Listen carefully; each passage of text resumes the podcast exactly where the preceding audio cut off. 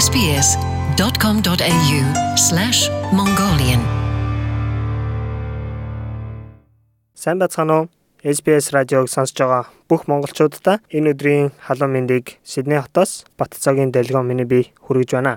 За энэ удаагийн подкастын сэдвэр Австрали улсад байр түрээслэгчдийн эрх үүргийн талаар ярилцахаар бэлдсэн байгаа. За ихэнх монголчуудын маань хувьд байр эсвэл байшин түрээслэгч Австрали улсад амьдарч байна. Тэр ч утгаараа түрээслэгчид ямар эрх үүрэгтэй байдгийг хуулиар олгогдсон эрх үүрэг нь юу юм гэдгийг мэдэх нь маш чухал асуудал юм а. Австралийн үйл хөдлөх хөрөнгийн зах зээл маш огцон өсөлттэй явж байгаа. Ер нь байр эсвэл байшин түрээслэхэд хэр их өрсөлдөөнтэй байдаг, хэр хэмжээний ажил ордог гэдгийг энд амьдарч байгаа хүмүүс бүгдээрээ мэдэх баха. За Австралийн орон байр болон түрээслэгчдийн үндэсний нийгэмлэг гэж байгууллага байдсан байна. За тухайн байгууллага Choice гэд төрийн бус байгууллагатай хамтраад судалгаа хийсэн байна.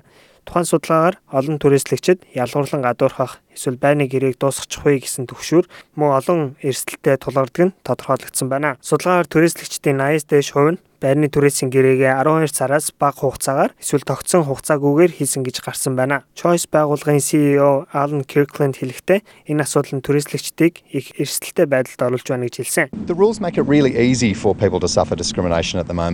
Одоо байгаа хууль дүрмүүд хүмүүсийг ялгуурлан гадуурхах эсвэл эрсдэлтэй байдалд оруулахад их хялбар болгож байна. Учир нь хүмүүст байрыг төр эзэмших маш бага хугацаа холбогддог. Олон хүмүүс сар сараар түрээслэх тогтворгүй гэрээтэй байдаг ба хуулиараа байрны эзэн хизээд гэрээг туслахад бэлэн байдаг байна. Түрээсийн гэрээтэй байсан ч гэсэн гэрээний хугацаа дуусах төгөхөд түрээслэгч таны ирэх маш хязгаарлагдмал байдаг. Судалгаагаар дөрвөн хүн тутмын нэг нь түрээсийн байранда яралтай засвар хийлгэх хүсэлт гаргасан боловч хариу үлээгээд 7-оос дээш хонж байна гэдгээ илэрхийлсэн байна. Мөн 7 түрээслэгч тутмын нэг нь байрны үн нэмэгдэх, хар тансны нэрийг нь оруулах, эсвэл байрнаас гаргачих вэ гэдгээс санаа зовоод тухайн байрны талаар гомдол эсвэл засвар хийх хүсэлт гаргадаггүй байсан байна. Орон сууцны National Shelters байгууллагын дарга Adrian Pisarski түрээслэгчид ихэнхдээ гомдол хүсэлт гаргахаас зайлсхийдэг гэдгийг биднэрт тайлбарлсан.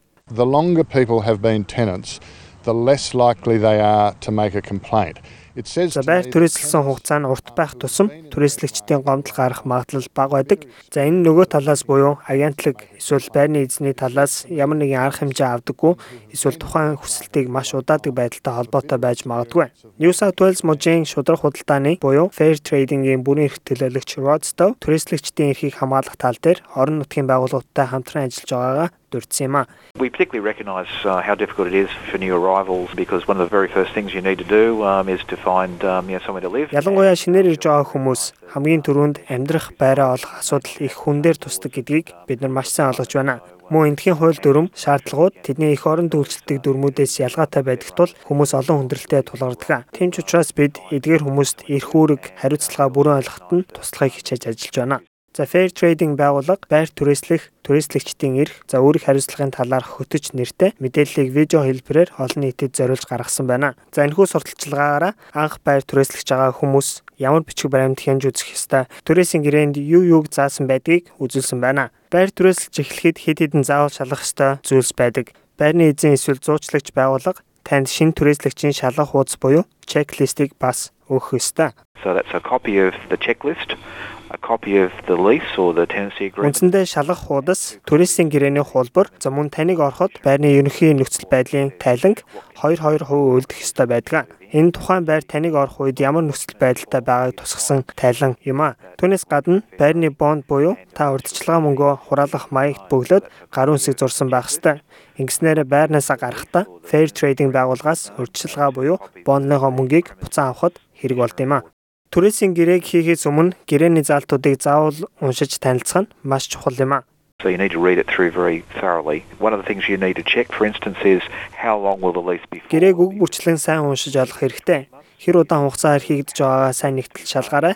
6 сар юм уу, 12 сар юм уу? Түрээсийн төлбөр ямар хугацаагаар яаж хийгдэх ёстойг, ямар нэгэн засвар хийгдэх ёстой бол засвар нь таныг байранд орохоос өмнө хийгдэх үү, дараа нь хийгдэх үү гэдгийг шалгаж үзээрэй. Хэрвээ байрны эзэн эсвэл зуучлагч байгууллага таныг байранд орсны дараа засвар хийж өгнө гэж хэлсэн бол заавал бичгээр гарын үсгтээ амлалт авах хэрэгтэй. Ингэснээр хоёр тал ямар үүрэг хариуцлага амлалттай болох нь тодорхой буюу найдвартай болно гэсэн үг юм а. Байранд нүүж ороод байрны нөхцөл байдлын тайланг байранд орсноос хойш 7 хоногийн дотор байрны эзэн эсвэл зуучлагч байгууллагад буцаан өгөх үүрэг хариуцлагатай юм а. Түрээсийн гэрээнд түрээслэгч түрээслэх хугацаанд эдлэх тодорхой эрхүүдийг бас тусгасан байх ёстой. Rodstow хэлэхдээ түрээслэгчид байранда тэдний өдөр тутмын амьдралд саад нөлөөгүй хэвийн нөхцөлд тухтай сайхан амьдрах ёстой гэж хэлсэн. You are entitled, for instance, to have repairs undertaken. Similarly, you're entitled. Тухайлбал та байранда засвар үйлчлэгээ хийлгүүлэх, за мөн амьдарч байх хугацаанд нэмэлт зөвлөх хүсэх хэрэгтэй байдаг. Тиймээс хэрвээ та байранда баг зэрэг өөрчлөлт оруулах, эсвэл тэжээвэр амтан байлгах хэрэгтэй бол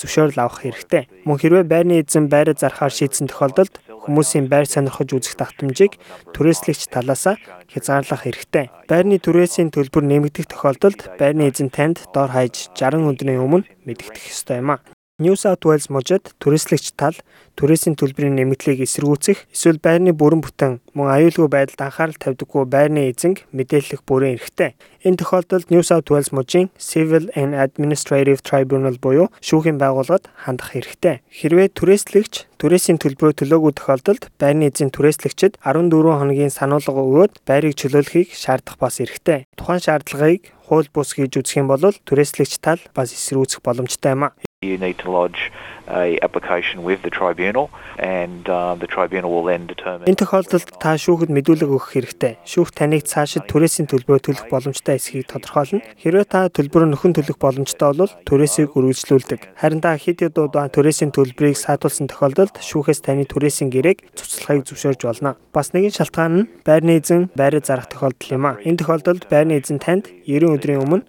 сануулга өгөх ёстой. Хэрвээ та шудраг бус байна гэж үзэх юм бол мөн шүүгд хандан эсрүүцэж болно. so wish you can also dispute that at the tribunal. Хүн амын орон судалжилтыг дэмжих National Shelters байгууллагын дарга Adrian Pisarski хэлэхдээ маш олон шинээр ирж байгаа хүмүүс байрныхаа урдчилгаан мөнгийг бүтнээр нь авах хүндрэлтэй тулгардаг ба байрны эзний энэ шийдвэрийг эсэргүүцэж шүүхэд хандхаас зайлсхийдэг гэж хэлсэн. Гэхдээ хууль үргэлж түрээсэлж байгаа хүмүүсийн талд байдаггүй гэж тэрээр бас дурдсан. There is a real, a definite and very significant power imbalance between um, Түрээслэгч болон түрээслүүлэгчийн хооронд хүчний тэнцвэргүй байдал илт ажиглагддаг. Харамсалтай нь түрээсийн хуулинд түрээслэгч буюу байрны эзэн эсвэл зуучлагч агентлаг давмгаа хэрэгтэй байдаг. Хүмүүс байрны эзэн эсвэл зуучлагч байгууллагад хүсэлт гаргахдаа заавал бичгээр харьцаж баталгаажуулах нь чухал байдгийг New South Wales мужийн шудраг худалдааны бүрэн эрх төлөөлөгч Rod Stow хэлсэн. Because if there is a dispute at some stage or another, it's much easy uh, to work those things Ямар нэгэн маргаан эсвэл эсэргүүцэл гарахад танд албан ёсны бичиг баримт хэрэг болдог.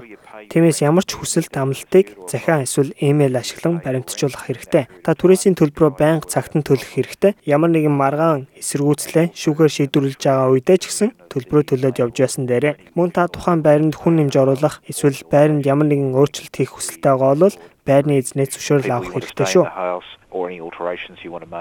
Түрээслэгчийн эрх үүргийн талаарх баримт бичиг болон илүү дэлгэрэнгүй мэдээллийг дараах вебсайтуудаас аваарай. New South Wales мужийн мэдээллийг fairtrading.newsouthwales.gov.au, Victoria мужийн мэдээллийг consumer.vic.gov.au вебсайтаар харж болно. Дараагийнхаа подкастаар та бүхэнтэйгээ тун удахгүй уулзцаая. SBS Mongolian